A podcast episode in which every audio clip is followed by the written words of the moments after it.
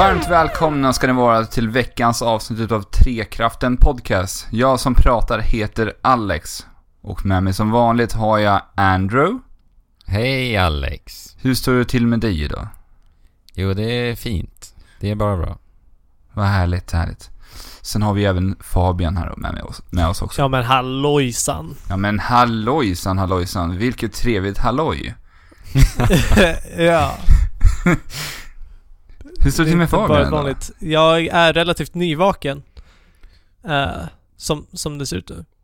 Men då, vi kör. och då ska vi säga att klockan är 20.20. Mm. Mm. Och han är trött. Det, så kan det vara ibland. Så kan det vara. Ja, jobbar natt och håller på och sen så... Ja. Ni vet. Båda två tror jag.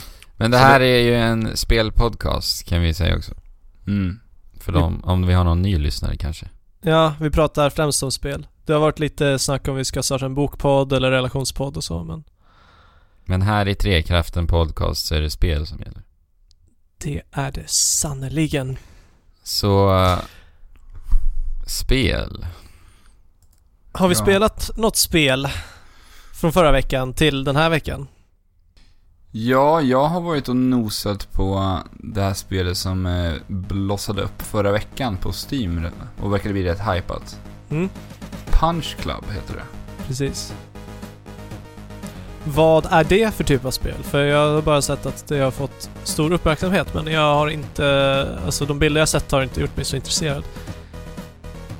Punch Club är, ja, är utvecklat utav en liten studio i Sankt Petersburg som heter Lazy Bear Games. Och vad trevligt. Lite ryska... Det ryska ry- spel va? Ryska kreationer här. Riktigt soft eh, namn på, på studion. Ja, det är bra logotyp också på den här. Deras, deras företagslogo. Och det får vi titta upp. En, en sovande björn. Sådär. Fyndigt. Mysigt. Ja, verkligen. Men de började, jag läste lite om det här för att eh, jag vart, när jag väl satt och spelade spelet så undrade jag lite vad det var för folk som såg bakom. Så jag läste på lite om de här. Mhm.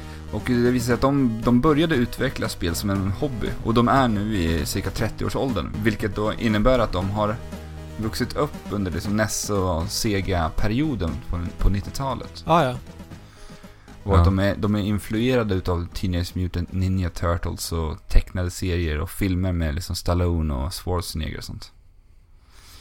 För det var någonting jag, jag märkte i det här spelet, väldigt, väldigt mycket så här flörtar till den popkulturella, mycket popkulturella referenser. Okej. s- Som typ ex exempelvis. Vi kommer dit. Men det här spelet är i alla fall en, vad ska man säga, det är en slagsmålssimulator. Du ska alltså, du är en eh, Ultimate Fighter. Ja, ja. Och sen har man också val, valt att trycka in lite story här också. För spelet börjar med att man, man ser sin pappa bli avrättad av någon slags gangster. Ah, nej. Och då är man väldigt ung och pappan som, som då uh, vart mördad var under den perioden en av de allra största slagskämparna då i den stora slagsmålsligan. Jag vet inte riktigt, de, jag tror inte de nämner den vid namn därifrån det heter. De får ju inte kalla det för UFC då, som att det är ju copyright-material va? Men Punch Club kallas det eller vadå? Nej. Nej. Utan det är någon slags... Eh, jag, jag har ju inte spelat he- hela spelet ännu. Jag har bara kommit sista sex timmar in. Och jag har precis börjat lära mig vad Punch Club är. Men... All eh, right. Ja, så man, man, man vill, väljer då att gå i sin fars fotsteg. Och följ, göra samma karriär som ens pappa och ta sig upp till toppen. Det är lite det spelet handlar om. Samt att man ska då försöka hitta mördaren som, som sköt ihjäl sin far. Okej, så han vill fulfill his father's destiny. And ja. revenge him. Precis. Och spelet är en simulator. Du får välja liksom hur din karaktär ska träna. Du har tre olika staplar, eller olika levels då på din karaktär som du kan bygga. Du har en stapel för strength, en för speed och en för agility. Och de säger Okej. väldigt tidigt i spelet att du, du måste fokusera på att välj, välj, välj hur du vill träna din karaktär. För han kan inte bestärka sig allt. Det går ju inte. Du kan inte vara superstark och supersnabb samtidigt. Han är ju ingen supermänniska. Nej. Så man, man får välja sina drag i det här, hur man ska satsa. Och då har man olika, man, man eh, har ett gym då. Så man, man får gå och, och lyfta lite skrot och springa på ett band och slå på säckar och allt vad man gör. Mhm. Men för att kunna träna på gymmet, vad behöver man då? Ett gymkort. Ja, ett gymkort. Ja. Precis vad man behöver. Här har man tyvärr inget gymkort, men man måste faktiskt betala varenda gång man stiger in på gymmet. Ja, ja. Men man behöver ju pengar va? Yes. Så då måste man ju jobba. Så det jag har gjort den här veckan, det är att jag har levererat ut pizzor. Jaha. Jag jobbar som pizzabud. Finns det många olika jobb och så eller? Jag har fått låsa upp två olika yrken, så det ena står och bankar på en någon slags byggarbetsplats. Vilket gör att man får rätt mycket styrka just när man jobbar också. Mm. Vilket Just jag inte vill ha på min karaktär. Utan jag har ju försökt bygga min karaktär på agility och eh, li- högst agility och sen lite speed då. Mhm. Då är Och- pizzabud, då lämpar det sig bättre. Ja, precis. Så jag åker ju runt och lämnar pizzor. Det ger lite mindre pengar, men man får åka flera, åka flera vändor med pizzor bara. Men sen så tycker jag att det, det, det är... Det är under spelets gång, ju mer du klättrar, för sen blir man introducerad till själva... Man får en tränare. En eh, alkad tränare som heter Roy. Som mest vill dricka bärs och hänga och chilla. Okej. Och sen, sen så vill, vill träna, sparra, kan man sparra med honom. Och sen blir man introducerad till eh, också den här, eh, vad ska man säga, den här ligan som, den officiella slagsmålsligan då. Ja, UFC man- i Punch Club. Ja, precis. Och då får man börja i någon slags rookie-liga, där man får klättra sig upp. Och jag har inte tagit mig igenom den första, för att jag har haft väldigt mycket problem med de, slut, de eh, tuffaste motståndarna i slutet av den här. Så Okej. att jag tror att jag ligger på tredje plats där just för tillfället. Okej. För där märktes det verkligen, som jag, jag nämnde tidigare, det här med att man måste fokusera sitt karaktärsbygge. Att man inte kan ta från alla spretiga håll, utan du, du måste fokusera. För att senare kommer du också låsa upp olika skills baserat på dina poäng på de här staplarna då. Så du, du, du låser upp poäng då som du kan levla. Och när man klarar de här äh, matcherna i slagsmålsligan så kommer ni låsa upp skill points. Man får skill points för alla sådana här äh, meriter man tar Ja. och det är de man betalar då med för att låsa upp olika skills. Så det kan vara till exempel att du får nya slag, eller att du får en ny dodge-attack, eller att du kan till exempel får ett move som gör att du kan samla upp stamina under matchen, för man har en stamina-mätare och en livmätare då. Men fightas du, alltså styr du gubben när det är en fight? Nej, utan det, det sköter sig automatiskt, allting. Ja. Så Mm. du sitter bara och du lutar tillbaka och bara tittar på när han förhoppningsvis bankar skiten ur sin motståndare. Är det Mm. samma sak med jobben då också? Ja, precis. Ja. Så Och du sen- bara bestämmer vad han ska vad- göra och sen så får du titta på medan han gör det? Ja, precis. Men vad är Ja. själva spelskärmen så att säga? Är det bara gymmet? Och sen är allt annat bara menyer liksom? Ja, Okej. precis. Mm. Och sen har man ju också en annan sak man måste tänka, för man måste ju ha mat också. Det är därför man jobbar också, för man måste ha mat. Mhm. Man kan inte träna på tom mage. Självfallet inte. Och där har man också olika staplar för att se hur ens karaktär må- mår. Man har alltså hungern och man har en för eh, hur, hur lycklig man är. Och det är jätteviktigt att vara lycklig och träna. Ja. För det ger mycket mera poäng när du tränar också. Det blir Okej. mycket effektivare träning. ja, vad fint. Så att det gäller att liksom hitta en balans i det här. Och det märkte jag också väldigt tidigt, tycker jag tyckte. Jag hittade aldrig någon bra slags träningsrutin på mina dagar. Så att jag fick, det kändes inte som att jag fick någon, någon effektivitet i det hela. Utan att jag stod mest och trampade och inte vart bättre. Så då fick man liksom prioritera sina dagar. Hur man skulle lägga upp sin träning. Och så någon dag fick man ta en vilodag och liksom gå och springa och till restaurangen och köra ut pizzor istället. Ja, För att lägga in eh, en hård träningsdag dagen efter. Okej. Så det gäller verkligen att liksom planera sina dagar ordentligt om man ska vara effektiv i det här spelet. Är det ett bra spel då, känner du? Ja, det tycker jag ändå att det är. Jag har haft ändå roligt med det. Men jag känner att det, du, du spelar ju bara det här spelet med en, en mus egentligen. Mm. Och jag hade jättegärna velat spela det här på, på iPhone istället. Jo, det, det låter ju som att det är väldigt väl lämpat till just telefonplattformen. Ja. För Eftersom att då skulle du kunna ta upp det lite då och då och se till att han drar och eh, gör sitt jobb eller tränar lite liksom. ja, för det Istället som för jag, att... jag såg det här igår nämligen. Det finns ju faktiskt i iOS också. Jag tror att det Ah, ja. släpptes några dagar Okej. senare. Men det är lite typiskt att jag inte köpte den versionen. För nu har jag ändå tagit mig ett par timmar in så det känns lite trist att börja om faktiskt. Jo, förstår det. Men å andra sidan, ja, jag vet inte. Jag skulle nog känna att det var att jag blev lite rastlös att sitta med ett sånt spel. Eh, enbart på datorn, typ. Ja, alltså det lämpar sig väldigt bra på telefon för att jag har ni, någon av er spelat eh, Game Dev Story? Ja, precis. Det påminner, jag tycker att det här påminner väldigt mycket om det spelet. Jo men det handlar ju om att vara liksom, att bara göra val och sen så eh, vara en åskådare för vad som händer. Ja, precis. Bara sitta och avvakta och se till att det ser bra ut i, sina, i statistik och... Men hur är es- estetiken? För det är väl pixel... Det är väl någon slags 16-bitars grafik skulle jag säga att de har gått med. Ja. Men, och eh, allting är väl pixlar också? Text och allting va? Ja, Mm, det är ganska snyggt.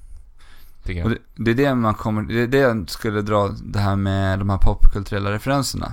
För det, de har gjort otroligt mycket skärmiga flörtar till så man kommer in hos en, eh, tränare. Där man ser på väggen, står det, eh, hänger Casey Jones mask från Teenage Mutant Ninja Turtles och eh, det står en motorcykel som skulle kunna se ut att vara Terminators motorcykel. Det finns väldigt mycket Mm. sådana blinkningar som jag tyckte om väldigt mycket. Det är sådär, får en att bli alldeles varm i kroppen. Trevligt. Så det uppskattas ju. När man Mm. har lagt ner lite extra tid på bara sådana här små, små blinkningar i eh, bakgrunden i spelet. Men eh, jag har ändå haft kul med det här spelet. Ja. Men, men det är väldigt tidskrävande kan jag tycka. Alltså det, det tar väldigt lång tid att eh, grinda sig uppåt. Vilket... Eh, jag har ändå suttit, vad är det, 6-7 timmar och jag känner att jag har stått och trampat väldigt länge. ja, det För- låter inte kul. För jag antar att senare i spelet så kommer man säkerligen kunna köpa sig ett, jag, jag, jag menar jag slaggar på en soffa nu i ett litet ruttet hus. Och jag för, förmodar att man fram, när man kommer längre fram man kommer kunna köpa ett större hus och Ja. ha det något bättre i alla fall. Men eh, du är fortfarande lycklig med att sova på en soffa. Jag antar det. Lyckomätaren står i toppen hela tiden så. Ja men då så. Ja. Men, alltså ibland är eh, less is more. Mm. Ja, absolut. Punch Club hette spelet i alla fall. Roligt. Mm. Kanske tittar in på det på iOS. Här, någon gång. Men du har också spelat någonting Fabian? Jag har spelat någonting. Eh, och det är också ett spel där man bara använder sig av uh, musen. Men det är däremot inte på iOS. Eh, det kanske eventuellt kom, skulle kunna lämpa sig på iOS, men jag vet inte. Um, spelet jag pratar om är That Dragon Cancer. Och det är utvecklat av eh, en liten studio vid namn Numinous Games. Där uh, ja, personerna Ryan och Amy Green uh, är liksom de som är mest framträdande för att de gör väldigt de är med väldigt mycket i det här spelet. Ja, de är flera i studion. eller? Ja, de är, de, de är väl en åtta personer kanske totalt. Okej. Mm. Eh, så de, de har inte gjort det här själva. Men eh, det finns till Windows och eh, Mac och Oja faktiskt. Oja hjälpte till att funda det här spelet. Okej. Så det är ganska roligt, även fast jag aldrig har spelat Oja. Ja, just det. Razer är det ju som äger Oja. Det var de Mm. som fann det. Precis. Men då måste det ha varit utveckling ganska länge va? Ändå. Jo, men det, det har väl utvecklats under ett par år i alla fall. Ja, det, jag vet faktiskt inte, men jag såg det här för första gången för ungefär ett år sedan när det kickstartades, eller hade kickstartats på, ja, På Kickstarter. Kickstarter. ja. Och det är väl egentligen ett så här, eller rent spelmässigt, bara ett simpelt point and click-spel. Alltså tänker typ, vad heter de här gamla, gamla pussel-äventyrsspelen? Myst. Okej. Ja, för att det är 3D-rum. Mm. Där du så här bara rör dig till vissa, vissa punkter och där, där finns det viss, vissa saker som du kan liksom interagera med. Det är nästan låsta kamerapositioner då eller? Nå, inte låsta kamerapositioner för att du kan alltid titta runt omkring dig. Men det är låsta positioner dit du kan röra dig. Alltid. Ja, okej. Ehm, och det, det mesta du gör är att liksom titta på saker men framförallt interagera med en liten en liten pojke som heter Joel. Och det är väl typ det det här spelet mer eller mindre kretsar kring. Ja. För Joel är Ryan och Amys son. Ryan och Amy är de som har varit med och gjort det här spelet och Ryan är han som är huvudet för hela den här, den här studion. Och lite grejen är ju då att Joel blev eh, runt ett års ålder diagnostiserad med cancer. Mm. Så alltså... Jag, jag, har själv inga barn att kunna relatera det här till, men alltså... Jag, jag har hört från många att barn är liksom den största kärleken man kan ha. Och jag Mm. menar, när du i det fallet liksom får översköljt över dig att ditt barn kommer inte få ett lätt liv i, i, under den tiden som, som barnet då lever. Och att den i, i vilket fall till slut ändå kommer att dö. Ja. Vad, vad, vad finns det att göra liksom? Självklart så finns det mycket i, i läkarkonsten att luta sig tillbaka på, mer eller mindre. Men det innebär också en väldigt, väldigt stor emotionell stress. Givetvis. Mm. Och hur hanterar man det här? Ryan och Amy, eller Ryman, Ryan, kom på eh, under en väldigt hård period på sjukhuset när han inte hade kunnat sova på, eh, på hur länge som helst och hans barn bara låg och skrek och han visste inte hur han skulle, skulle få stopp på det. Någonstans där så kläcktes idén eh, att han skulle göra ett spel baserat på hans erfarenheter av att ha ett cancersjukt barn. Eh, och han, det, det ska sägas att han var spelutvecklare eh, innan det här. Hade jobbat på lite eh, indie-titlar och grejer. Så att det var inte taget riktigt från tomma luften. Men alla typer av kreativa konster är en form av uttryck. Och det har väldigt länge liksom diskuterats om huruvida spel är en konstform. Eh, på senare år så, är, så har det verkligen blivit väldigt, väldigt mycket mer eh, accepterat, speciellt i den ja, nischade gruppen som är gamers i samhället. Jo. Vi har sett rätt mycket i den, den typen av spel. Om man säger. Jo, Året precis. som har gått. Precis. Eh, diskussionen kom ju och liksom lite som ett svar på det allt, och eh, allt eftersom att tekniken har blivit liksom starkare och mer lättillgänglig uh, så, så har vi sett väldigt mycket uttryck i form av interaktiva upplevelser. Och alltså jag, jag, jag kan inte göra annat än att känna att det här spelet är det som verkligen bekräftar det för mig. För spelet, du, du sätts i ett scenario. Eh, varje kapitel kan, kan man se som ett scenario, en, en, ett litet utplock ifrån den här familjens liv. Mm. När, när Joel har varit i liksom centrum, naturligtvis. Och jag vet, alltså, ett rum, det... tänk, tänk dig en tavla där, där du kan, du, du hoppar in i tavlan helt enkelt och liksom kan titta runt. Det är väldigt, väldigt färgstarkt. Uh, spelet är uppbyggt på, med väldigt få polygoner. Uh, så, så att det liksom bara, uh, ja du kan se vad det föreställer, typ så här precis. Men det, det är riktigt, riktigt snyggt just med hur färgsättningen är gjord. Och i det här så kan du, i den här målningen kan du gå runt och eh, ja, titta på saker närmre och liksom höra konstnärens egna ord och egen röst, egen poesi liksom. Så att det är liksom mer än en tavla.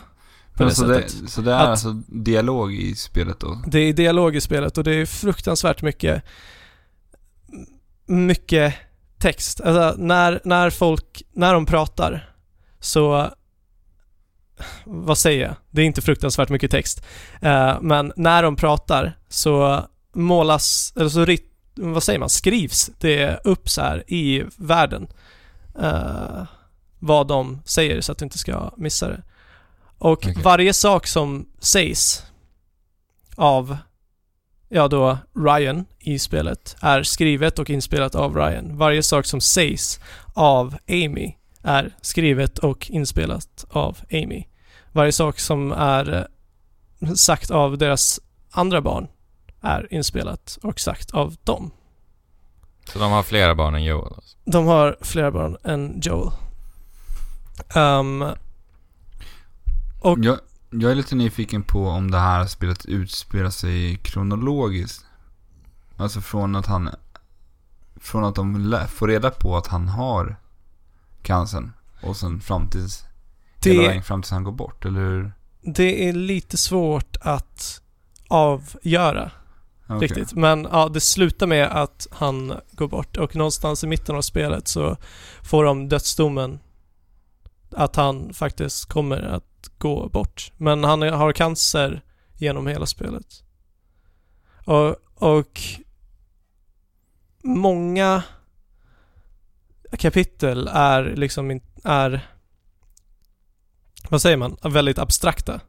Det, det kan utspela sig som en dröm eller som från en idé. Uh, och han, han uh, uttrycker de känslorna som han har eh, känt genom det här. Genom väldigt starkt bildspråk. Som till exempel på, en- när de är på en picknick en gång så är det så här jättefint uh, jättefina träd och så här en damm och så här. Men i utkanterna så kan du se så här svarta taggiga, spikiga, knotiga skepnader liksom växa sig fram. Och det blir, det är liksom de finns alltid där, även i de bästa stunderna. Det, det ska då representera att den här cancern alltid är närvarande och i vissa stunder så, så är de mitt framför ögonen på dig liksom. Och mm i andra stunder så, li- liksom, att det känns som att han drunknar så, så blir det en storm och rummen fylls med vatten. Snyggt. Det är riktigt, riktigt snyggt bildspråk, väldigt fin poesi skrivet av det här och liksom efter, efter, just eftersom att det är skrivet av de här och vissa vissa saker har de tagit från inspelningar som de faktiskt har spelat in med Joel och med, med sin familj. Så alltså det, det kommer så nära på, på ett sätt som... Ja, ja, ja det, det, det känns som att du gör intrång på deras djupaste tankar och känslor liksom. På deras liv. Mm, det känns ju väldigt blottande. Det är väldigt det- blottande och väldigt naket. Och transparent. Jag hade faktiskt ingen aning om att det var dialog i det spelet. Och då känns det som att det ger en sån himla mycket bättre bild in i hela... Jo men det här är som att kombinera liksom målning, vis- visuell konst och eh, poesi, konst i ord och Mm. det... Och, ja, och också konst i den rörande bilden också. Men nu Och jag- Och jag brukar, när, när jag lyssnar på musik och så här, eh, tittar på bilder eller, eller så, så brukar, så brukar jag slutligen liksom, den, den slutliga frågan för mig brukar vara så här, är det, är det här autentiskt? Är det här ärligt? Är det här en riktig, riktigt genuin spegling av, av konstnärens vilja och känslor? Och hur känner du med det här då? Och med det här Ja. känner jag att jag har aldrig kommit närmre någonsin. Det är bra betyg alltså. Ja. Du har ju varit väl, du har ju sett fram emot det här spelet väldigt länge. Ja, och när jag ser fram emot saker och har höga förväntningar på saker. Jag brukar förs- försöka att inte ha det för att jag tänker att det ofta eh, förstör liksom upplevelsen. På, i, i, I den bemärkelsen att liksom, du tror att det ska vara någonting och sen så är det inte något annat och då kanske det är svårt att acceptera det för vad, vad det är. Men jag har ändå haft höga förväntningar på det här och det det lyckades ändå imponera mig bortom alla, all, bortom allt vad jag kunde tro liksom. Vad fantastiskt. Men, Men- eh, nu till den stora frågan. Den stora, stora frågan. Grät du? Genom hela spelet. Ja. Mer eller mindre. Ehm, det ska sägas också att musiken är en väldigt stor del i det här för att var, det, det är alltid musik som liksom komplementerar allting. Så de slår verkligen ihop alla typer av konstformer i ett och samma paket egentligen. Ja, typ. Mer eller mindre. Och du tycker att allt och det, blir... det är väldigt bra och det är en väldigt, väldigt salig blandning. Ja. Kul. Uh, sen är det här spelet nog inte för alla egentligen. Jag, jag är väldigt mycket ute efter sådana här emotionella upplevelser. Starka uttryck. Men rent spelmässigt så liksom om du, ute efter, om du gillar spel för att du gillar action så kanske du inte gillar det här. Men å andra sidan så kanske det här öppnar ögonen för någonting annat. För vad Mm. spel kan vara. Men Fabian, eh, tror du att den här upplevelsen skulle kunna funka i till exempel bara en eh, film? På Nej. samma sätt som det liksom... Nej, Nej. för många, många scenarion är, är, vad säger man, konstruerade på ett sätt som att du ska ta de här initiativen. Och du ska göra de här valen. Ja. Och Coolt. det, jag vill inte säga för mycket om spelet i sig. Egentligen. Men det är inte ett jättelångt spel så ifall man är, blir nyfiken. Så hur lång tid tog det ungefär att köra igenom det här Fabian? För mig tog det tre timmar ungefär. Men eh, jag, jag har hört att folk, folk klarar det på en och en halv timme. Okej. Men jag, jag vill att gå runt och liksom känna in atmosfären och interagera med allting som jag kan interagera med. För du sa till mig förra veckan när jag frågade om hur berörd du var av spelet, hur lång tid... eh, Eller och då sa du till mig att det är ett spel som man ska egentligen ta genom en sittning. Det ska du absolut göra och du ska göra det när du är känslomässigt öppen och du ska göra det när du inte har några distraktioner. Du ska sitta i ett rum och insupas i den här världen med ja, headphones som gör att du blir lite ytterligare innesluten. Och lite VR på det. I VR, det här hade varit en så sjuk VR-upplevelse. Men... eh, Undrar hur de kommer göra med gråtspelen och VR. Vart tårarna ska ta vägen. Ja, ja, ja, shit, jag har inte tänkt på. Det kanske förstör hela Ja. manicken.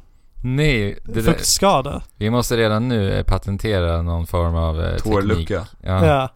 En tårlucka. Så kan Men- man mäta i efterhand hur mycket man har gråtit. ja. Men jag måste bara säga också. eh, det här spelet har jag sett har fått väldigt, väldigt mycket kritik för att det har väldigt stora religiösa inslag. Och vad tycker ni om det? Alltså Det- det är ju en tolkning av deras liv, så... Ja, precis. Det, de är kristna. De går till kyrkan varje söndag. Och dessutom är de inträngda i ett så snävt hörn som, ja, som, som de är i. Och vad gör människan när det inte finns någonting att göra egentligen? ja. Det, de vänder sig till hoppet. De säger att det sista som lämnar människan är hoppet. Och då blir allt det här än starkare. Och dessutom, dessutom, så verkade det, alltså som lite bakgrundsfakta, så verkade det som att Joel skulle klara sig. För han fick en dödsdom. Och han levde flera, flera år efter det. Hur gammal blev han? Jag tror han blev tre eller fyra år. Okej. Och han skulle dött vid ungefär två. Jaha. Så att, och de, de bad till Gud och de gick till kyrkan. Eh, och då tolkar de naturligtvis det här som ett mirakel. Att han överlevde så pass länge efter att han skulle ha gått bort. Ja. Så, alltså det är någonting, även, även om jag inte är kristen och jag liksom, jag kan inte relatera riktigt med de känslorna. Eh, men jag kan relatera med en desperation som finns i de känslorna. Mm. Bara, bara det att det är liksom förklätt i böner och Gud. Jo, precis. Så det är, alltså, var lite open-minded. Så, så kommer ni att älska den här upplevelsen. Ja, det känns ju lite löjligt att hålla på och pracka ner på det liksom. Ja, jag, jag, tyck, jag tycker verkligen det. Ja, speciellt när det är en så himla personlig tolkning också. Ja. Då, då känns det väldigt inkräktande att hålla på och klaga på en sån grej. liksom. Det är en Mm. del av dem. Ja, Respektera det, eller skit i att spela spelet. ja verkligen. Och det är den enda som förlorar på att göra någonting annat än att spela det här spelet och ac- acceptera det är du själv. I slutändan. Ja. Man får väl lugnt säga att 2016 har börjat rätt bra då. Ja. Ja, alltså. du verkar vara ja. otroligt nöjd med det här spelet. Det är jag. Jag kommer nog dock inte spela det igen. Nej. Känner jag Det förstår spontant. För det kommer aldrig vara samma sak. Nej. Ja, jag har försökt spela lite Galaxy men det har inte gått så bra. Får se om det Nej. blir något snack om Galaxy någon gång. Ja. ja, jag, jag hoppas på ett snack om Galaxy. Alltså jag har ju spelat i eh, fyra, fem timmar kanske. Men alltså, kommer du spela det? Jag känner mig inte så sugen faktiskt. Alltså det är ett roligt spel men eh, jag känner att jag förstår hela konceptet. Jag, det blir liksom lite meningslöst känns det att sätta sig och spela spelet. Alltså, en roguelike tar ju nödvändigtvis aldrig slut. Inte slut. Nej. Och det ja, nej jag vet Så inte. jag, så jag vet inte, alltså, ibland så kanske du inte kan bli färdig. Jag vet inte hur det här spelet är uppbyggt liksom, så. Men, Nej, alltså man kan klara av spelet, det kan man, men det är ändå, du gör ju ändå samma saker hela tiden. mm. Och det, det jag har märkt eh, så länge jag har spelat är att det är riktigt tråkiga miljöer och att det är samma miljöer hela tiden. Mhm. Och även fienderna är inte jättemycket vari- varierade heller så... Jag vet inte. Inte jätteimponerad faktiskt. Men det är alltså hyfsat kul när jag väl sätter mig och spelar men det är just det där att sätta sig. Ja, Ibland så fastnar man ju i det där. jo. Du får dra tummen ur eh, rumpan någon gång. Ja, vi får se. Annars, annars så får du snacka om det ändå alltså. Uh, ska vi ta en liten, liten paus? Ja. Ja.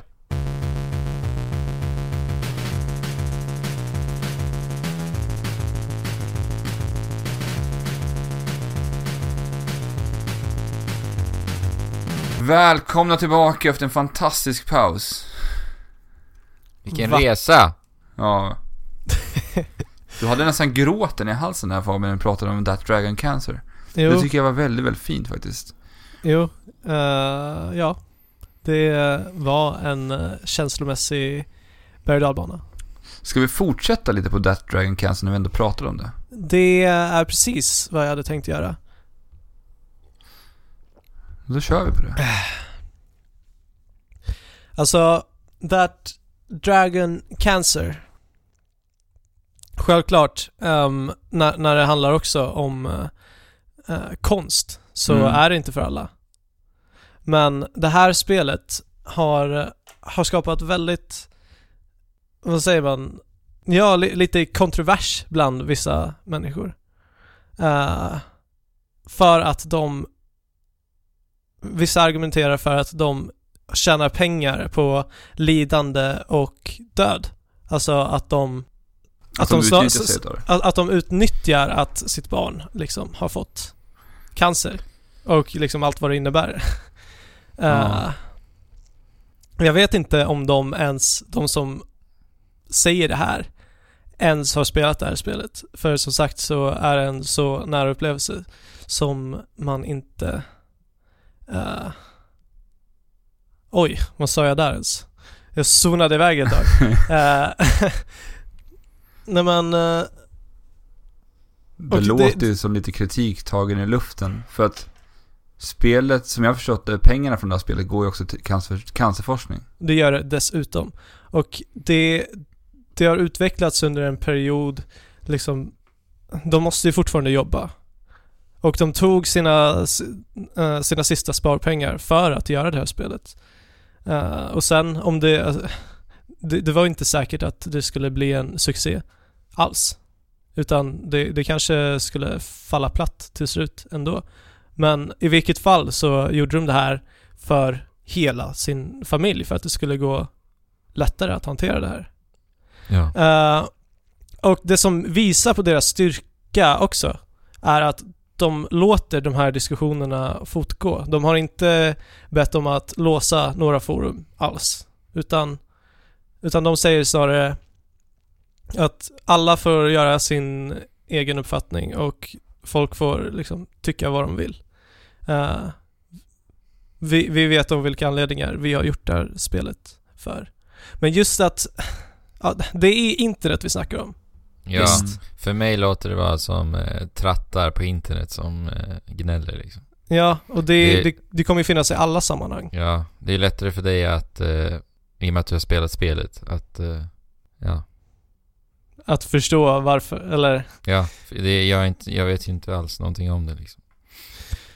nej, men att komma med sån här kritik, jag menar, vad är konst överhuvudtaget? Konst är nå- någonting som, som speglar dina känslor liksom. He- hela ditt känsloliv och ditt inre universum.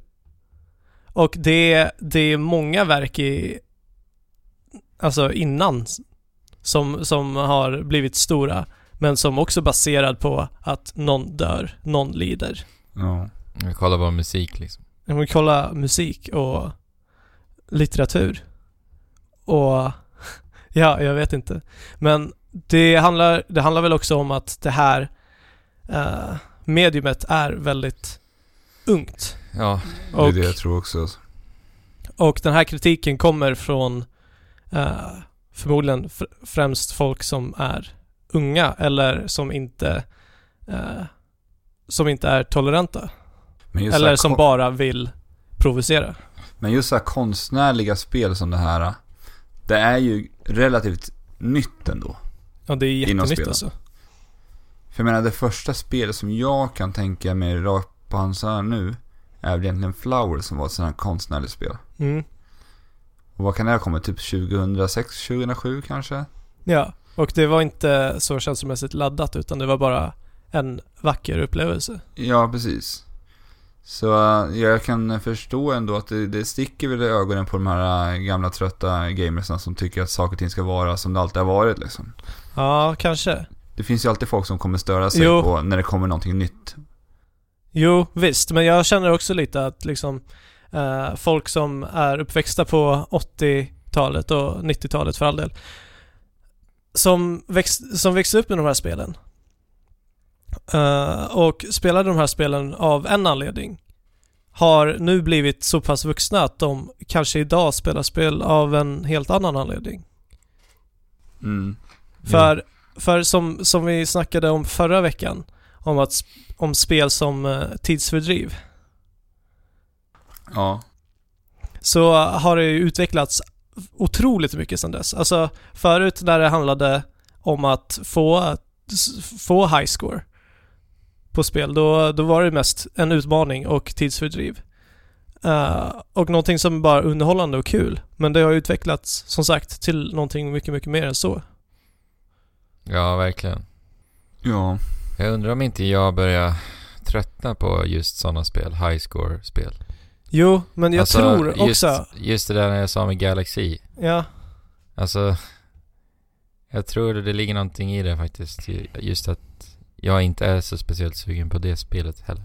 Du har ju också varit väldigt high score fixerad i dina dagar. Ja. Jo. Kanske har med att du, du börjar bli äldre nu va? Ja. ja, man, alltså... Ja, jag jag söker ju upplevelser i alla fall. Jo. snarare än att bli underhållen. Och ibland så, så, så kan det vara skönt att bara bli underhållen, naturligtvis. Men sällan är det bara det som spelar in. Ja, extremt sällan. För mig också. Ja. Mm. Det ska vara tillfredsställande på flera olika plan och stimulerande Jo. på andra plan än att bara att det är kul. Jo, men precis. Så, ja. Spel som konst, jag antar, men allting, eller all konst går väl förbi den här typen av kritik, alltid. Oberoende på vad det är. Uh, så jag antar att vi kan uh, förvänta oss väldigt mycket laddade diskussioner kring spel i framtiden. Oh ja. Ja, spel som konst kommer ju bara växa ännu mer tror jag. Ah, ja, allt eftersom att tekniken blir ännu mer lättillgänglig. Mm. Jag var ju till exempel på uh, MoMA i våras. Alltså Museum of Modern Art i New York. Mm. Där de hade en hel avdelning faktiskt med spelkonst. Vilket var ganska coolt. Det är riktigt coolt. Och det är ändå ett av de absolut största konstmuseerna i världen. Ja, Som håller, som eh, ja, bevarar modern konst. Mm. Jo men det säger ju väldigt mycket om hur långt den här subkulturen har tagit sig. Ja, och det är ju så kul att det liksom kan ta sig in i finrummet på det sättet också. Ja, Och att det verkligen visar att spel kan vara för alla. ja. Ja, Jo verkligen. För det tror jag verkligen att det kan vara. Precis som musik kan vara för alla. Och film kan vara för alla. Och eh, konst som med tavlor kan vara för alla. Och matlagning. Ja. Alltså matlagning som konst, det är verkligen en konst i den bemärkelsen också. Tycker jag. Har jag insett på senare år. Ja. Som en parentes. Men, eh, ja. Minecraft Education har blivit utannonserat här. Okej, tror vad, vad är det för något? Det här är ett spel som Microsoft har varit med och tryckt på tillsammans med Mojang då. Eh, Ett Minecraft som man har ut... Eller man, ja, man håller på att utveckla. Jag tror inte det var färdigställt ännu. Nej. Som man ska ha som i utbildningssyfte för att liksom motivera ung, alltså eleverna lite mera. Alltså ta någonting som är, för att Minecraft vet vi ju är jättepopulärt bland den yngre generationen nu. Ja, ja, verkligen. Så att man tar det här familjära Minecraft och gör ett spel som ska vara fokuserat till ett... Eller en, en miljö, sätta dem i en miljö som de är liksom vana vid. Mm. Och ta och lära ut ungarna via Minecraft. Nu, sen vet inte, de har inte gått in på detalj exakt vad som, vad, hur det här kommer fungera. Men det kommer väl ha sina begränsningar då, som att det ska vara... Det ska ändå befinna sig i klassrummen. Och det här tycker jag är jätteroligt att de faktiskt... Att de blir, de blir pionjärer liksom på det här. Ja, Alltså ta spelen in i klassrummen. Verkligen. För det här är någonting som jag, jag, jag tror verkligen att det här är framtiden. Alltså att göra interaktiva läromedel. Ja, verkligen. Alltså, det jag, jag, jag är lite förvånad över att det här ändå liksom är, verkar vara en så stor satsning. För, för det är ju väldigt kontroversiellt. Alltså om vi på våran tid skulle sagt eh, när vi gick i lågstadiet att vi vill spela tv-spel för att lära oss så skulle folk bara ge oss konstiga blickar och säga att vi är dumma i huvudet, mer eller Mm. mindre. Eh, men inlärning handlar så mycket om att ha kul också. Ja, verkligen. Och jag menar, få se saker rent fysiskt när man sitter och lär sig Mm. kommer ju direkt leda till att det faktiskt sätter sig, att man kommer ihåg lite mer saker. För Mm. Jag hade inte jättelätt när jag gick i skolan och lära mig, lära mig. Jag hade jättesvårt att sitta och läsa böcker och liksom få ett grepp om saker Ja. och ting.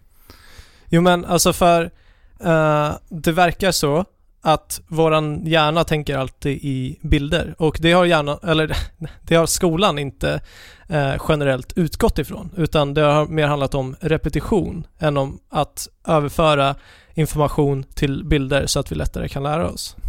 Ja. Och jag menar interaktiva upplevelser i bilder. Det, det känns som att om det här får några år på sig så kommer det vara det absolut optimala sättet att lära sig. Ja, det tror jag också. Jag tror det också. Och jag tycker det ska bli väldigt int- intressant att se ifall det är flera utvecklare som ser sen hur, hur, eh, vad det här rör sig mot i framtiden. Om det är flera som kommer hoppa på och göra sina egna spel. Mm. Alltså education-spel. Ja, precis. Ja. För det är ju jättehäftigt. Jag tänker direkt på sådana här historielektioner. Man skulle kunna göra en variant Ja. av Civilization liksom för att spela igenom historien och få liksom allt berättat för dig när du sitter framför en dator liksom. Jo, verkligen. Alltså, ehm, vad heter det där? Eh, The Great War. Ehm, det där spelet om första världskriget. Eh, Valiant ja, Hearts. Valiant Hearts ja. Ehm, det, det gick lite åt det hållet. Mm. För att man alltid fick eh, information. Det är det spelet gjorde fel, tycker jag dock. Är att det kom inte med i upplevelsen utan allt eftersom du progresserade så fick du information som du själv kunde läsa på om de här platserna som du hade varit vid. Uh, Och det blir nästan som att sätta in en skol, skolbok i spelet. Mm. Det är inte så himla motiverande, kanske. Nej. Alltid. Utan om man istället kan, som du säger, ehm, ha, interagera skolboken med själva upplevelsen. Så skulle Ja. det gå mycket bättre. Ja, jag tycker det här är jätteroligt och jag hoppas verkligen på att det här kan verkligen bli någonting i framtiden. Mm. Ja, Och speciellt nu med VR och saker, då kan du liksom få nästan till autentiska upplevelser. Mm. Det är jättespännande verkligen. Men vi har ju spelat spel i, i hela våra liv. Ja. Och eh, det har ju säkert eh, bidragit en del till att vi kan prata engelska ganska bra. Ja. Men, Jo, jo. men tänk om man kunde lägga på ett education filter på alla spel. Så att när de pratar på engelska så ska du, så pausa spelet så här. Så bara, ah, kan du återberätta på svenska? Ja. ja men något sånt har det varit skitsimpelt och säkert roligt också. För att om du inte klarar det så kommer du inte vidare liksom. Ja. Och då får du gå tillbaka och liksom kolla på vad de har sagt. Ja. Eh, och tänka dig. Och sen så kan du få lite tips om det tar för lång tid typ. Jo, precis. För jag tänker, jag brukade alltid fråga min eh, far. Mm. När det var så, att jag inte förstod. Så jag Ja. fick ju mina svar direkt va. Men, Jo, precis. Jag, jag trodde ju att jag kunde engelska när jag var jätteliten. så, att, så att jag satt och, eh, jag kommer ihåg uh, Yoshi's Story. Så, så var det någon så här eh, text i, för att beskriva storyn liksom. Så satt jag där med mina vänner och de bara, vad står det? Och jag kom på någonting, eller jag, jag sa vad jag trodde att det stod typ. Och de Ja. bara wow. Jo men eh, jag lärde mig vad ASAP var i Metal Gear Solid ja. till Playstation. Och då eh, ringde jag farsan och frågade vad betyder ASAP? Och då sa han as soon as possible. Mm. Och jag tyckte det var det coolaste jag någonsin kunde säga på den tiden. Så jag gick runt och sa det hela tiden ja. eh, till mina kompisar. Jag kommer ASAP. Jo men alltså bara, jag spelade Tibia med några vänner ett tag. Vet du vad Tibia är? Ja. Eh, det här väldigt simpla MMORPG, väldigt tidiga. Och det var ju helt revolutionerande att du kunde gå runt och liksom skriva med folk och du var till och med tvungen att skriva det du ville säga till alla NPCs som fanns i spelet. Och det tror jag verkligen har lärt mig och det utvecklades ju senare, Ja. eh, sedermera till WoW liksom och, eh, Men ja, alltså alla som spelar spel är bättre än genomsnittet på engelska. Jo, men så borde det vara. Så det är, ja precis, det visar ju bara på styrkan i det här mediumet. Ja. Verkligen. Men eh, vi hoppar vidare tycker jag. Har ni läst det här om att eh, den nya HD-versionen av Twilight Princess i, I det spelet så får man ju med en sån här Amiibo, Mhm. Wolflink. Eller Mm. inte alltid, bara om du köper Limited Edition eller Collector's Edition. eller vad det. Ja, precis. Jag är inte säker på om det kommer någon originalutgåva utan den faktiskt. Nej, du kanske inte har. Strunt samma, men Ja. det har kommit rykte nu om att eh, att den här Amiibon ska inneha en eh, extra grotta i Twilight Princess HD. Mm. Och då började jag tänka lite på Nintendos liksom tankar kring Amiibos. Mm. Alltså vad, vad är deras... Har de ens haft någon tanke? Och vad, vad tror ni liksom att, att de egentligen vill med Amiibos? Jo men alltså den första tanken är väl bara att ja, det har funnits en eh, eh, otroligt stor efterfrågan på original Nintendo-figurer. Så att Ja. det här är ett väldigt lätt sätt att tjäna pengar. Men du får ju alltid någonting mer som sagt. Som det här är nästan som ett DLC till eh, Twilight Princess-remaken. Mm. Och det... Jag menar, hellre att jag får liksom... Nej, ja, jag vet inte. Jag är inte så himla inne i Amiibos. Sådär. Men jag gillar ju Nintendo och jag gillar Nintendo-figurer. Eh, så att det är ju bara trevligt att om man ska köpa ett DLC så får man en liten figur med. Jo men jag tänker, alltså det är lite, det känns lite som att Nintendo tänker endast på de inbitna Nintendo-fansen när det kommer till Amiibos. Mm. För det finns ju jättemånga som spelar Nintendo som inte bryr sig ett, ett skit rent ut sagt Ja, ja. om Amiibos. Typ Mm. jag. Och ja, och de, då uteblir det här totalt. Du, okej. Vad försöker du komma fram till? Att, att liksom de som inte är inbitna Nintendo-fans kommer gå miste om någonting? Ja, det blir ju så. Men Ja, de- i och med grottan då, om Ja. de skulle befin- befinna sig i Twilight Princess HD. Ja, Yes. men ja, Jag just i tycker det... att det, det låter ju så himla... Som att man... Jag vet inte. Man utesluter så himla många. Det gör Genom man. att, ja, man, ja men så det är en del av spelet. Jag tycker ändå att ett Zelda-spel ska man inte behöva ha en Amiibo för att låsa upp en grotta i. Jag tycker att... Även om det är liksom ett gammalt spel som helt plötsligt får en, en ny grotta, det är ganska häftigt. Men det känns bara som att de utnyttjar situationen också. För att sälja den här Amiibon liksom.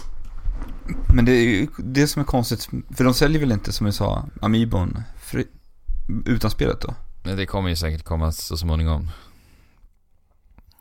De brukar ju släppa dem separat till slut.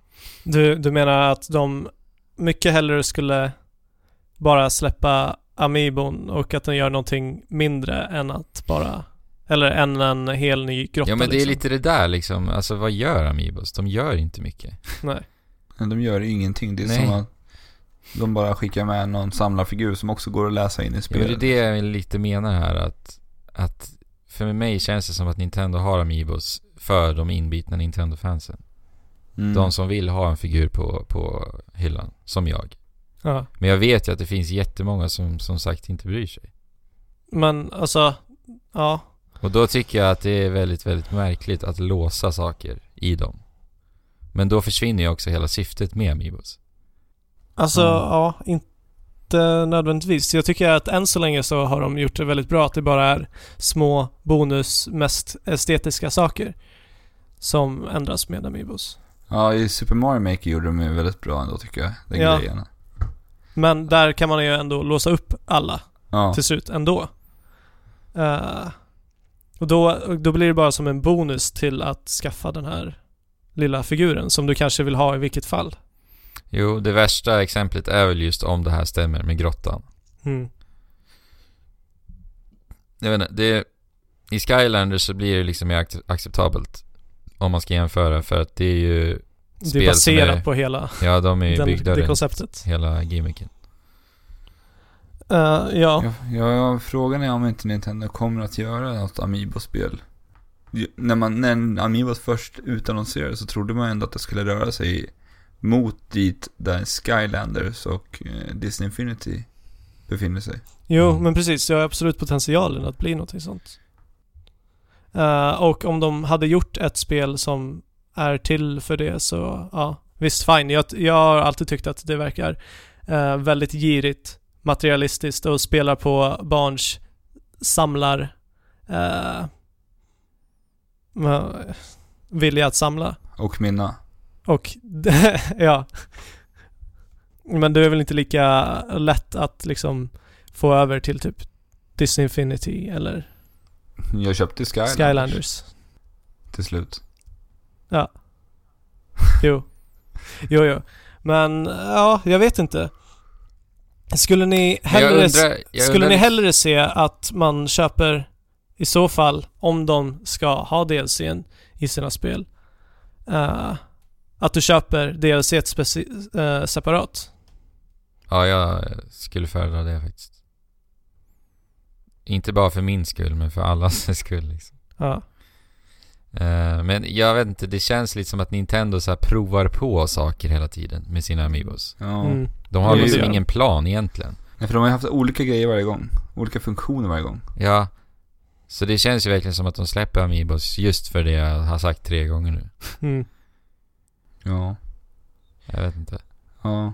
Amiibos är bra förvirrande alltså. Jo, det är verkligen det. Och att det är så olika, de är så olika allihopa och olika plattor, jag vet inte. Ja, men det är... Ja, Amiibos Nintendo är- symboliserar verkligen Nintendo. Ja, precis. ja. Man blir sådär förvirrad som man ofta blir med Nintendo. Ja. ja. Men, ja. Och nu... Samtidigt är det ju kul att de vågar ge sig ut på någonting. Där de inte riktigt har någon fullständig plan. Men det har ju fått bakslag väldigt, väldigt många gånger har vi sett nu. Jajamän. mm. Men de eh, kom ju upp en intervju här med Kimishima i veckan. Och ja, vad sa de då? då? Nej men då sa de återigen att NX kommer de prata om mer det här året. Det är bekräftat va? Mhm. Eh, och sedan eh, att de också har planer på att utöka sina varumärken i till exempel filmer eller anime-serier.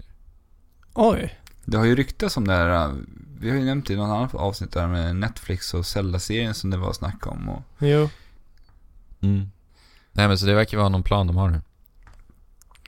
Och nöj- nöjesparker vet vi ju. ja. Ja, men alltså så länge det inte blir som den här nya Sonic-serien typ. Bara löjliga magplask som liksom eh, försöker omdefiniera ens bild av en karaktär men som bara blir löjlig i slutändan. Men Sonic är sedan länge förlorad. Jag tror att Nintendo är... Ja. Jag tror att Nintendo är eh, något mer försiktiga med sina varumärken faktiskt. Ja. Vi får hoppas på det i alla fall. Ja. Jag undrar vilken målgrupp de kommer försöka träffa med anime-serien just. Om det nu blir så. Jo men vi vill inte ha tillbaka den där tecknade Zelda-serien. Till exempel. Nej. Nej. Det hade varit illa, illa om de gör det. Men ja. spännande, det är Nintendo, de vill bredda sig märker man ju. Ja. Mm. Frågan är av vilken anledning. Om de behöver det eller om de bara vill liksom fiska in ännu fler. Ja, det tror jag va. Ja, precis. Och även den yngre generationen som, eh, ja, de vi pratade om tidigare, de spelar Minecraft, de kanske inte ens känner till Mario nu för tiden. Nej, precis. Alltså att man försöker ta tillbaka den här platsen att, Det låter inte bra för våran del dock. nej, nej, det gör det inte. Det gör det verkligen inte. Nej. Eh, vi vill inte ha trams med våra älskade serier. det kommer du inte få. Lite trams. Mimotos kommer att släppas i mars nu också, det första mobilspelet. M- Mitomo. Mitomo. Yes. När sa du? Ja. Vil- vilken datum sa du? I mars. I mars. Som Pocken Tournament också. Fått ut Ja, just det. Det har den ju. och Ja, datum. Shit vad roligt. Där i mars också. Minns inte exakt datum. Eh, ja, någonstans där i mitten. 18 kanske. Jag ska inte säga någonting om jag inte vet. Fan.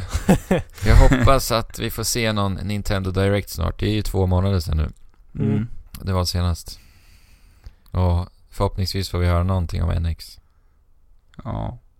Liten bild kanske. Ett Ett namn litet, kanske. ett litet fragment av en bild. Ja. Ja, någonting får vi säkert se. Ja. ja. Det får vi hoppas. Mm. Ska vara kul att se det redan här i slutet på januari. Då hade man ju blivit riktigt lycklig alltså. Riktigt lycklig. Ja. Det är ett spännande Nintendo-år vi har framför oss. Får man ju gott säga. Ja, spännande spelår överlag. Som vi sagt många gånger. Ja, många, många gånger har vi sagt det nu. Men ska vi röra oss lite till London en sväng eller? London, vad händer, vad händer där? Nej, där är nämligen eh, borgmästaren som heter Boris Johnson. Som investerar 1,2 miljoner pund i ett eh, initiativ han kallar för Games London. Oj, De ska försöka göra det till ett slags spelmecka där. Där de ska liksom hjälpa och boost, se till att eh, spelutvecklarna, de lokala spelutvecklarna kan liksom eh, satsa lite mer på in, sin, den spelindustrin. Och på så sätt kunna locka till sig flera investerare till att våga satsa på spelindustrin i, Lon- i London då. Jaha. Ja, vad roligt. Mm. De ska bli lite som...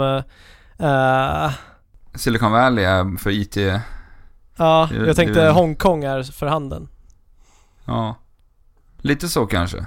Men jag tänkte direkt när jag läste den här nyheten att det här är något som Sverige hade kunnat anamma för ett bra tag sedan. Alltså i alla fall ta över Europa. Vi har så otroligt mycket bra spelutvecklare i Sverige just nu. Ja.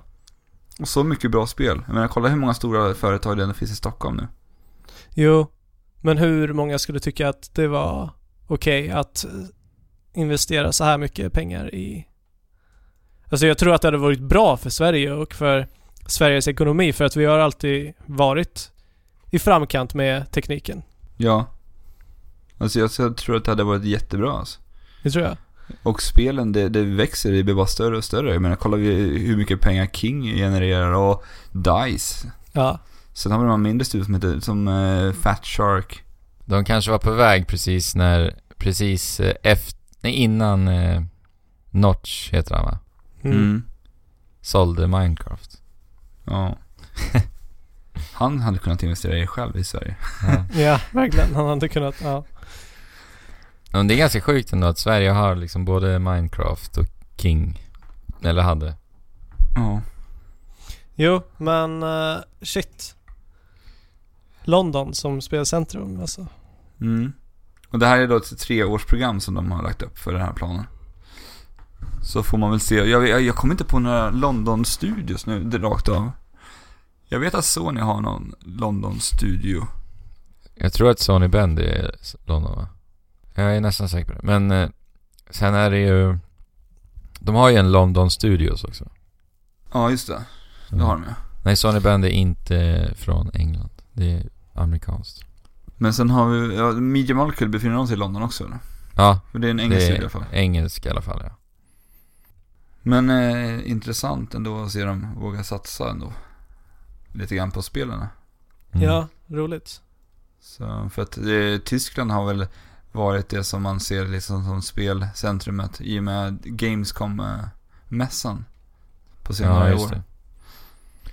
Kanske man får åka till England nästa gång. Ja. Jo, men precis. Eh, det, det bådar ju gott för oss här i Europa som kanske inte behöver eh, i framtiden åka på, till andra sidan jorden för världens största spelmässa. Kanske hamnar den i London. Vem vet? Det vore skönt. Ja, det vore jätteskönt. Ja, verkligen. Men Så vi får hålla ögonen öppna. Vi lär väl se här om några år om det händer någonting där med spelutvecklingen i London. Ja, men vad ska det, vad ska det liksom vara? Ska de göra någon typ av stort center som liksom bara fokuserar på spel och där alla spelutvecklare kan samlas? Eller Alltså Vet du- vet du någonting om nej, jag initiativet? vet inte riktigt så. Alltså mer att de ska satsa pengar i att kunna, kunna hjälpa utvecklare som befinner sig i London. Med ekonomiskt stöd liksom. mm, Och sen eh, på den långa sikten kunna locka till sig investerare då. Så man Mm. kan börja generera ännu mer pengar och kunna hjälpa fler utvecklare då att sätta igång. härligt. Kanske Trekraften flyttar dit? Ja, när vi gör spel. Vi gör ju inga spel nu. Vi gör en podcast. Om man ändå kunde spela våran podcast, ja det hade varit kul. Det hade varit kul. Ja. Vi Då kanske... hade man surfat på Fabians gråt. Okej. Surfspel. Ja. Jo men så är det väl. Ja men så är det. Ja. Veckans Men- nyheter är avklarade. Vi har en lyssnarfråga. Det har vi.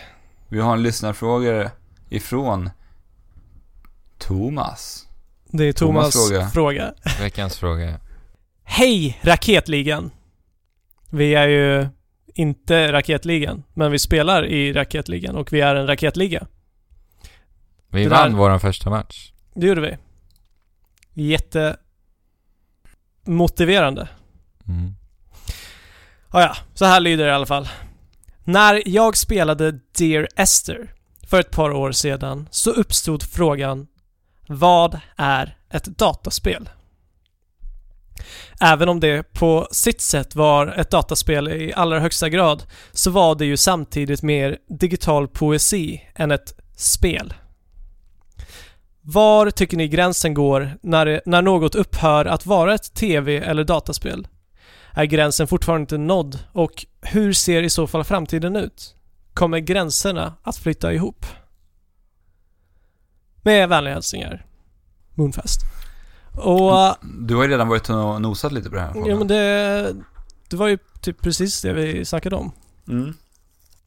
Eh, precis, ett traditionellt dataspel ehm, har ju haft som syfte att underhålla Ja.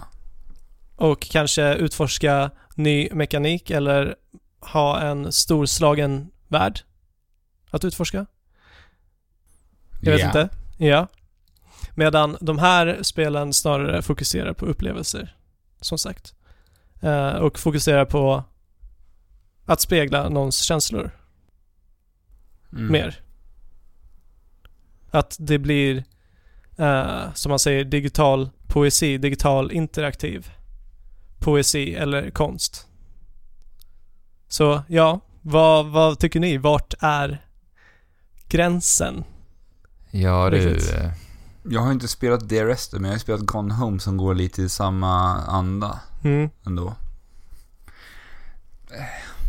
Alltså jag, jag ser det ju fortfarande som en typ av spel. Jo, jo. Det... Jag tycker Ja. inte att det, det riktigt finns någon gräns.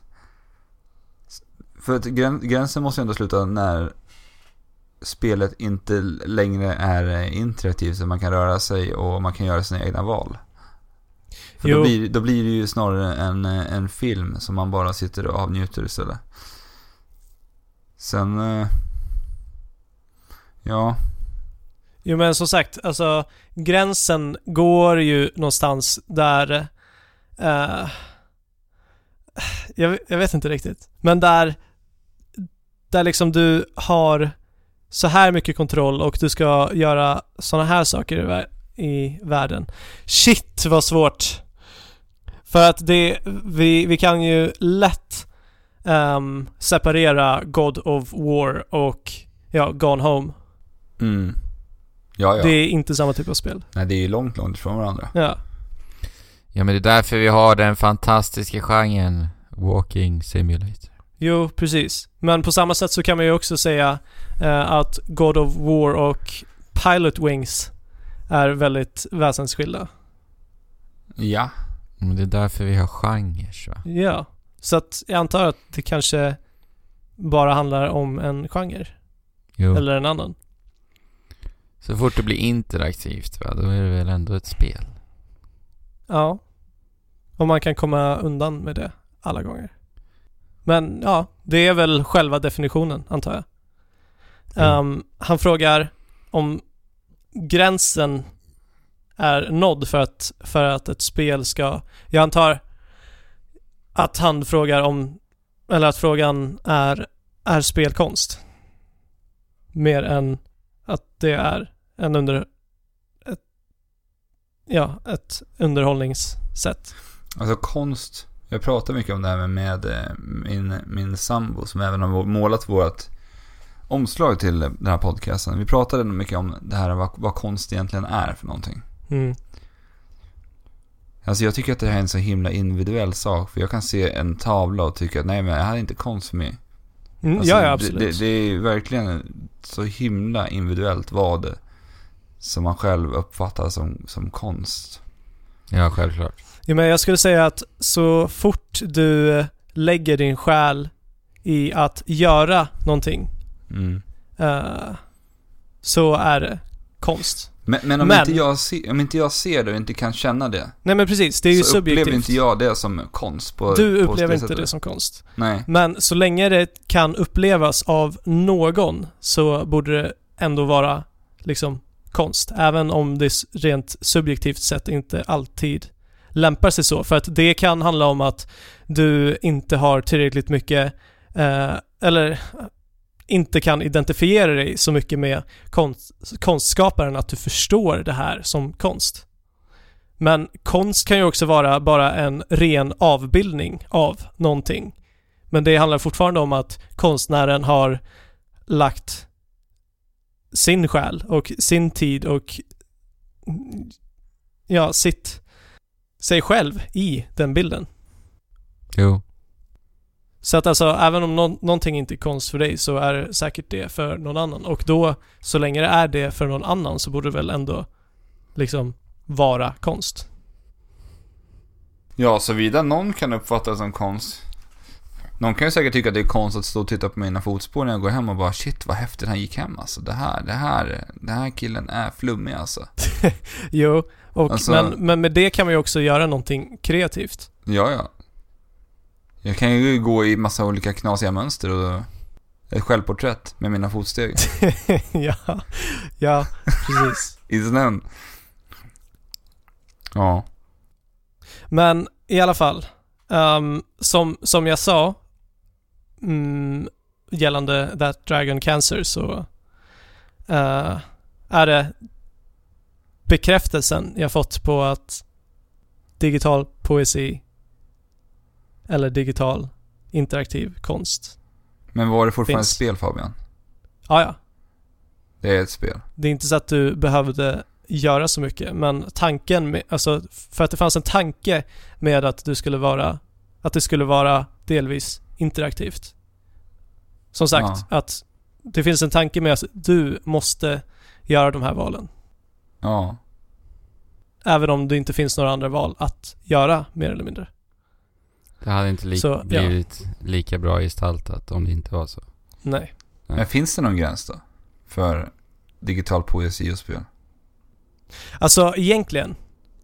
Jag har blivit berörd av spel som inte är ämnade att vara liksom konst på det sättet. Men det blir ju liksom ändå konst i sig. Även För att fast... det berör dig. för att det berör mig. Har du något exempel? Alltså, ja, Kingdom Hearts kanske? Kingdom Hearts tar vi, som var det första spelet jag grät till. Men hur vet du att det inte var ämnat för det då? Men någonstans så var det ju ändå det. Ja. Kanske. Någonstans. För att det... Det finns ju alltid ett syfte med en berättelse som de berättar. Och det är... Ja, det är ju klart att det är genomtänkt. Alla gånger. Du borde spela Journey Fabian. Ja, jag vet. Jag ska göra det snart. Mm. Kan du inte göra det borde- till nästa vecka? För att det är lite i det här vi pratar om nu liksom. Mm. Jag spelar det. Han borde köra en vecka. han bara kör såna här såna här typer av spel. Ja. Men ja, grej, grejen är... Grejen är, den här veckan jobbar jag 60 timmar. Ja, då kan det vara skönt med lite Journey. Det kan det vara. Jag ska bara hitta tid till det också. Det tar ungefär två timmar. Fyra för dig kanske. Yes. Dubbla tiden. ja, Jo men alltså, nej. Så att, så att, egent, så att egentligen alltså... eh, det, som vi sa, det handlar om olika genrer och olika genrer har olika syften. Men, men de här spåren av digital poesi kan även finnas i helt väsensskilda spel från. Kanske till Uh, Beyond God Ice. Gone Home. Kanske till och med God of War. De, God of War uttrycker ju verkligen någonting. Alltså jag blev Mm. väldigt berörd av, alltså jag kände ilskan. Även om den är väldigt överdriven. Ja. Men jag tyckte det var fruktansvärt ballt också. Mm. Det är ändå någon typ av uttryck. jag tycker inte riktigt att det finns någon, någon gräns just nu i alla fall. Och ingenting jag kan direkt se komma heller just nu. Men ja, som sagt. Jag kan förstå den här frågan. Ja, För att det, det handlar om att det är mer eller mindre interaktivt. Eh, alltså och det, liksom, det är så himla mycket en tolkningssak också. Vad, Ja. vad man själv tycker är spel liksom. Precis som, som vi pratade om konsten, är en eh, sån individuell upp, uppfattning. Ja. Men alltså, som sagt. Jag skulle nog inte kunna spela sådana här typer av spel när jag var 10 och tycker det var särskilt kul. Nej. Så att jag antar att det liksom lite handlar om eh, Det handlar om mognadsgrad mognad. Och liksom vad, vad du söker för upplevelse, helt enkelt. Precis som med genre. Så att ja, genrebaserat. Ska Men vi om säga det- så? Men om det, ja, men det tycker jag. Och om det inte skulle vara spel. Vad skulle man säga att man då går och gör? Jag ska gå och uppleva någonting. Eller vadå? ja. jo. Ja. För det är inte titta på film och det är inte spela spel. Jag ska titta på digital poesi. Alltså, man skulle ju kunna säga så. Jag ska Men, DP. Ja men du gör ju fort, du är ju fortfarande interaktiv och då blir det ett spel. ja. Så ja, genre. Så. Men, ja, precis. Det här kommer att utvecklas otroligt Tipo. mycket de, de kommande åren. Man depoar. Ja, Alltså i VR så kanske vi bara kommer använda huvudet sen så här kisa med ögonen för att interagera med saker. Fast Ja. då interagerar man ju också. Mm, det får man inte göra. Nej. Sitta fast med huvudet. Ja. Ja.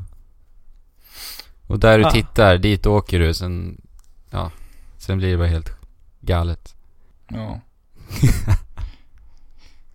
Får hoppas att det var en, ett, ett bra svar på frågan i alla fall. ja. Det tog lite tid i alla fall. Ja, vi sa lite samma saker tror jag, men Ja. ja. Vi försökte få ut någonting av substans i alla fall. ja. Ja. Men eh, är ni sugna på att skicka in era egna frågor så kan ni göra det på våran mail som är trekraftenpodd at gmail.com. Yes. Och tack så hemskt mycket för det där mejlet. Ja, tack så jättemycket Thomas Munfest. Och eh, vill ni följa oss på, ant- a- på andra medier så kan ni besöka vår hemsida trekraftenpodd.wordpress.com Klickar vidare till kontakt där så har ni uppgifterna för att klicka er vidare då helt enkelt. Till Instagram och Facebook och alla våra gamertags på diverse plattformar. Yes. Så lägger det till. Nu tycker jag att vi säger hej då till våra käraste lyssnare. Det gör vi. Hej då. Spela på!